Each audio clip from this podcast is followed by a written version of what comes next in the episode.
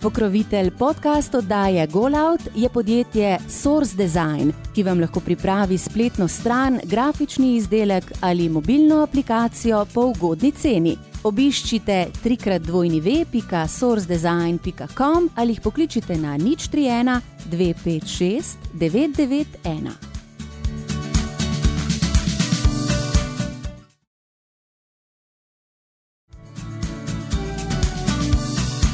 Športna oprema Jako je izjemno funkcionalna oprema, kar omogoča športnikom, da dosežejo svoj polni potencial. Izolacijski funkcionalni materiali vam nudijo najvišjo zaščito pred vetrom. Vodoporni funkcionalni materiali in zaprti glavni šivi zagotavljajo zanesljivo zaščito pred vlago.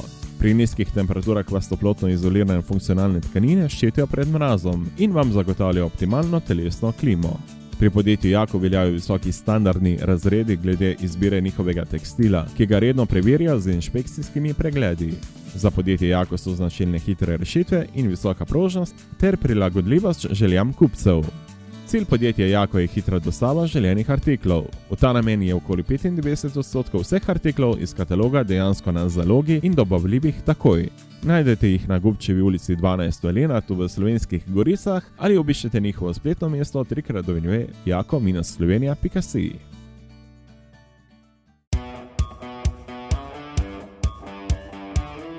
Poslušate oddajo GoLout, slovenska podcast oddaja o slovenskem, tujem in ženskem nogometu.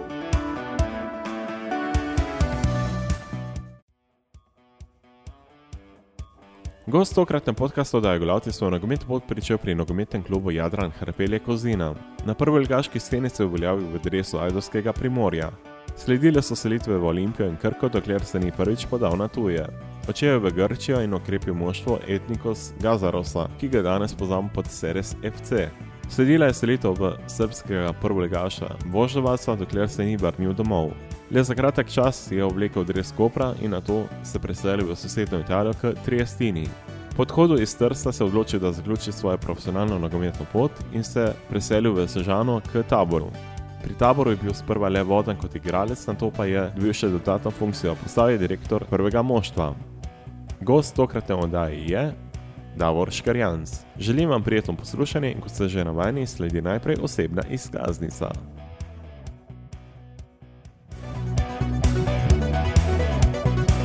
Imate vprašanje? Nam želite podati kakšno mnenje? Pišite nam na info.afna.golout.com ali prek družabnih omrežij, kjer nas najdete pod uporabniškim imenom oddaja Golout.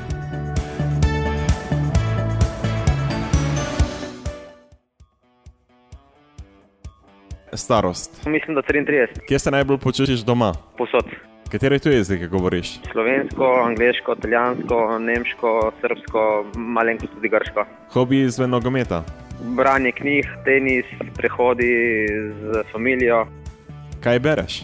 Predvsem motivacijske zadeve in kakšne zgodbe uspešnih ljudi iz poslovnega in športnega sveta. Kaj gledaš? Kakšen film akcijski, malo za sprostitev. Kateri predmet se mi nare v šoli, če izpustimo športno vzgojo? Matematika, fizika. Kdaj si na zadnji jokal?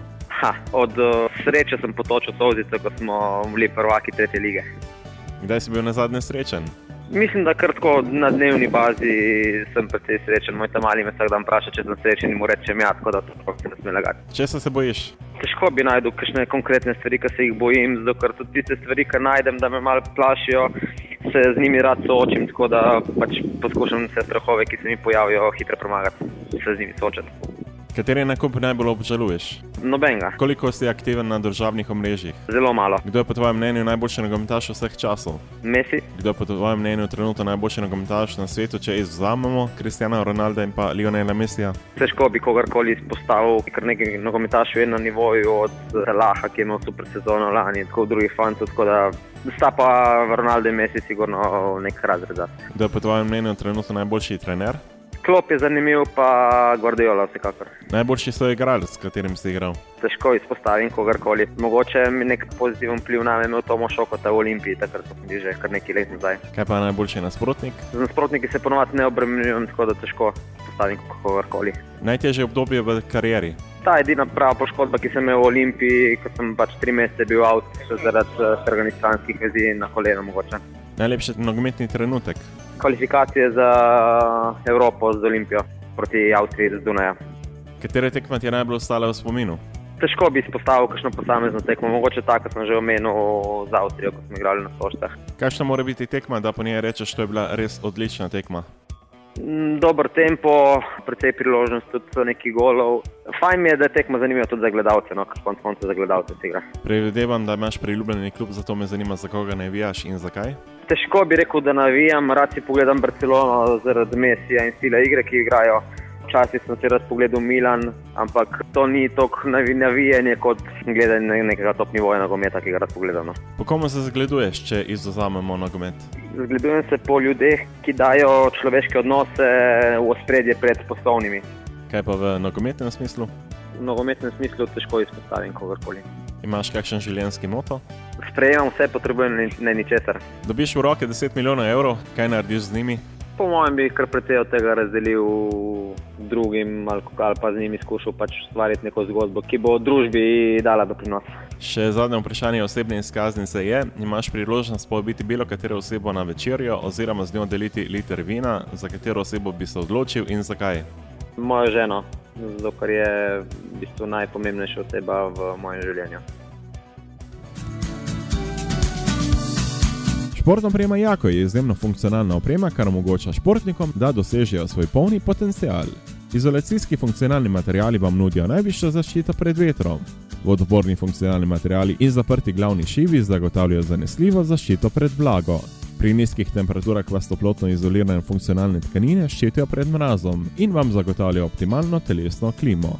Pri podjetju Jako veljajo visoki standardni razredi glede izbire njihovega tekstila, ki ga redno preverjajo z inšpekcijskimi pregledi.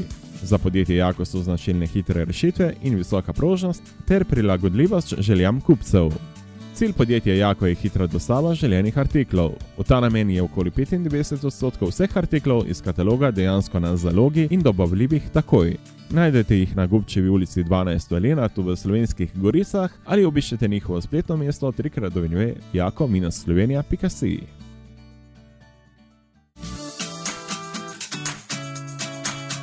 Televizijsko oddajo lahko spremljate vsak torek ob 21. na GoTV.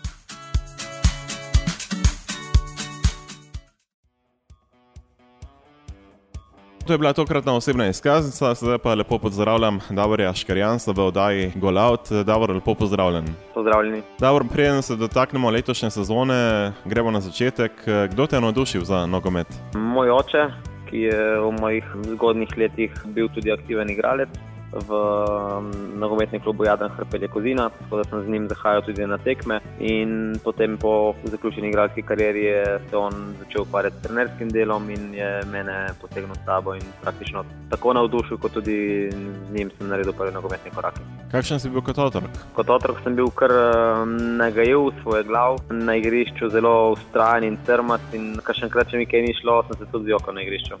Kaj pa v šoli si bil med prednjimi ali si bil med tistimi, ki so kaj ušpičili? Ne, v šoli sem bil med pridnimi, mogoče lahko rečem celo preveč pridem. Tvoje prve nekako uradne korake si naredil pri jadranju Hrpelje Kozina. Kako se spominaš teh prvih uvodnih treningov? Spomnim se, da smo pač tekali po igrišču za to žogo in najbolj spominjam, kako mi ostajajo treningi, ko je bilo deževje, ko so bile luže po igrišču, da smo se po tistih lužah zelo radi valjali po treningu. Potem si šel za kratek čas k faktorju. Kako to, da si zamenjal Jadran Hrpelje Kozina za faktor? Predtem sem šel še v Sežano, tabor Sežana, kjer sem odigral tri sezone in potem sem šel v kadetsko ekipo Faktorja, zato ker je bil takrat Faktor v prvi ligi, kadetski in mladinski. Pač Sežana takrat ni imela svojih ekip v najvišjem rangu tekmovanja, tako da smo jaz pa skupaj še z mačami Sežane šla v takrat v Faktor. Potem pa nazaj na Primorsko, k Biljem, Primorje. Kako bi opisal tvoj mladinski staž, kateri trener ti je dal največ? Kadetsko mladinsko obdobje sem bil v nogometnem razredu v Šiški, tako da smo dejansko tam pet dni v tednu trenirali pod vodstvom takrat Miloša Rusa v Šiški. Domov v svoj pač klub, najprej Faktor, potem Bilje Primorje, smo prihajali samo petkov trening in tekme. Verjetno največji pečat je pustilo prav to treniranje v nogometnem razredu v Šiški, ki je bil v tistem obdobju vsekakor na enem višjih nivojev v Sloveniji. No. Že prej si omenil Naceta Kosmača, kdo še je nekako tvoja generacija? V Bilje Primorje smo potem bili tudi prvaki kadetske ekipe z, na čelu z Valterjem Birso, ki je takrat igral z nami. Tadej Tomažič je bil še moj dober prijatelj in takrat pomemben del ekipe te generacije nekako najbolj uspel, je vsekakor Valtteri Birsa, ki ga lahko še dan danes gledamo na najvišjem nivoju tekmovanja. Kako se pa spominaš preskoka iz mladinskih selekcij v članski nogomet? Takrat so bili še kakšni igralci kot je Goran Jolič in ti starejši izkušeni igralci, ki so bili res karakterno močni igralci, bi temu rekel. In za mladega fanta, ki je zdaj prišel igrati za člane, takrat spomnim še kot mladinci, smo neki tekom odigrali za člansko ekipo, mislim, da bi bil debit celo proti Olimpiji, Ljubljani. Takrat. Vsaka moja napaka je bila strani teh karakterno močnih igralcev zelo težko sprejeta. Mislim, da je to bilo za mladega igralca tudi v enem smislu pozitivno, ker si se zavedal, da ni več eh, heca, da članski proligaški profesionalni nogomet nosi ljudem kruh in ni zdaj banke, ampak moraš 100% resno vsako potezo narediti. V prejšnji oddaji, ko sem gostil dom na Črnigo, smo se malce pogovarjali o tem prehodu iz mladinskih vrst v članske, ko so mlajši morali zelo, tako rekel, tudi kakšne stvari početi za te starejše nogometaše, si imel tudi ti kakšno takšno izkušnjo, da si tudi ti moral komu čistiti kopačke in biti, bomo rekel, tako asistent trenerjem. Dobro, to je splošna praksa, vedno se zbere te najmlajše fante v ekipi, ki potem nosijo opremo in pomagajo vse te stvari tako je vedno bilo in vedno bo. Prav kakšnih posebnih izven tega izkušenj pa nisem. No. Tudi ni bil kakšen poseben krst? Mm, nič kaj posebnega. Ne. Sicer nekako bi lahko rekla, da si nogometno se najbolj pokazal, izkazal na prvi ligaški sceni v Dresu Primorja. Kako se spominjaš teh pet sezon v Ajdovskem, rdeče črnem Dresu? V Ajdovščini je bilo takrat obdobje, ko smo kot izhodni mladinci, oziroma kot eh, pač igravci članske ekipe, lahko splavali, lahko smo dobili priložnost. Prvi trener je bil Darko Milanič, takrat je dal nam mladim fantom kar precej priložnosti, tako da smo dosti hitro lahko pokazali, kaj zmoremo. Je pa potem pač ta moja epizoda v Primorju trajala štiri leta in proti koncu, predvsem zadnje dve sezone, lahko rečem, da nisem napredoval, kot bi želel. Eh, malenkost je bilo tudi pač takratno okolje v Ajdošini v spustu, oziroma pač je tudi situacija nogometno v Ajdošini bila v padanju. Vsekakor je bil potem ta moj naslednji korak v Olimpijo, ključen korak v moji karieri. Gremo kar k Olimpiji, tri sezone si tam preživel, kako je prišel do sodelovanja z Olimpijo? V bistvu so bile odigrane že tri tekme prvenstva. Takrat sem bil še vedno brez kluba. Olimpija je imela težave, to je bila prva sezona Olimpije po ponovnem povratku v prvo ligo. Olimpija je, mislim, da je zbrala dve točke v treh, štirih tekmah in takrat so pač nujno iskali okrepitve in takrat me je takratni športni direktor Simon Stešljal poklical na pogovor, da hitro sva uskladila vse stvari in sem bolj postal igralec Olimpije. Nekaj o tem obdobju si že omenil v osebni izkaznici v teh kvalifikacijah za Evropsko ligo oziroma Evropske pokale. Eh, kako pa nasplošno ocenjuješ to obdobje sicer tudi malce črnega obdobja je s poškodbo, ampak vseeno, kako bi ocenil čas, ki si ga preživel v Olimpiji. V smislu slovenskega nogometa je vsekakor igranje za Olimpijo ali pa Maribor na drugi strani čist nek drugi svet, kot igranje za ostale klube. Tukaj je neki naboja, predvsem na teh eh, derbih. Res sem zelo vesel in z veseljem se spominjam nazaj vseh teh tekem. To je dejansko, recimo, derbi proti Mariboru, je tekma, ki spominja na neki malo višji nivo nogometa. Ne? Navijači dodajo svoj čar. Vsekakor zelo lepa izkušnja, ki se z veseljem spominjam. Sicer, ko že omenjaš eh, derbi, recimo tako, vem, da ga ne moremo primerjati, ampak recimo, če primerjaš recimo pa nekoč derbi Gorisa Primorja, ki je nekako še bolj eh, lokalni.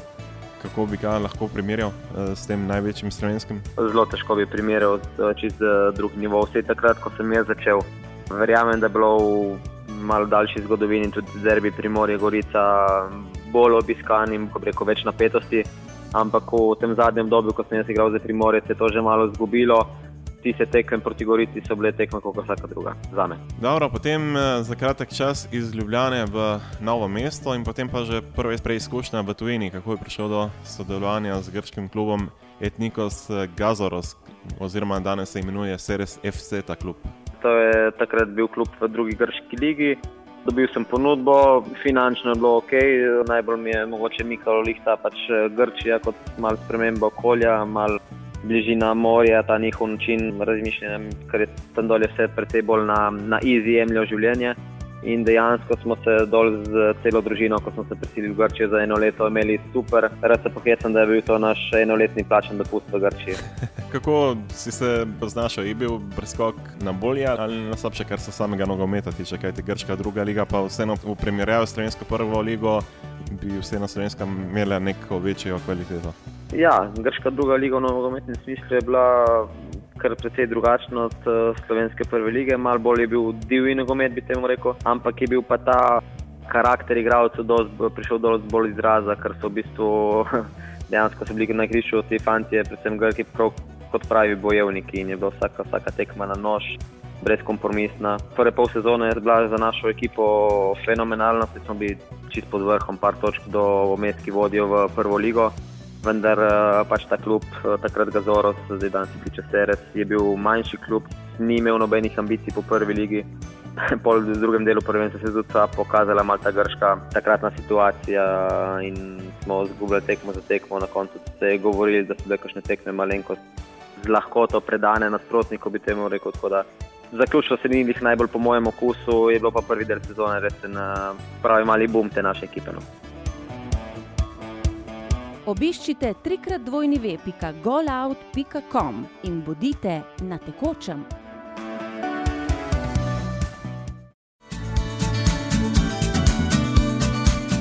Pokrovitelj podcast oddaje GoLout je podjetje Source Design, ki vam lahko pripravi spletno stran, grafični izdelek ali mobilno aplikacijo po ugodni ceni. Obiščite trikrat dvojni web.sourcedesign.com ali jih pokličite na nič 31 256 991.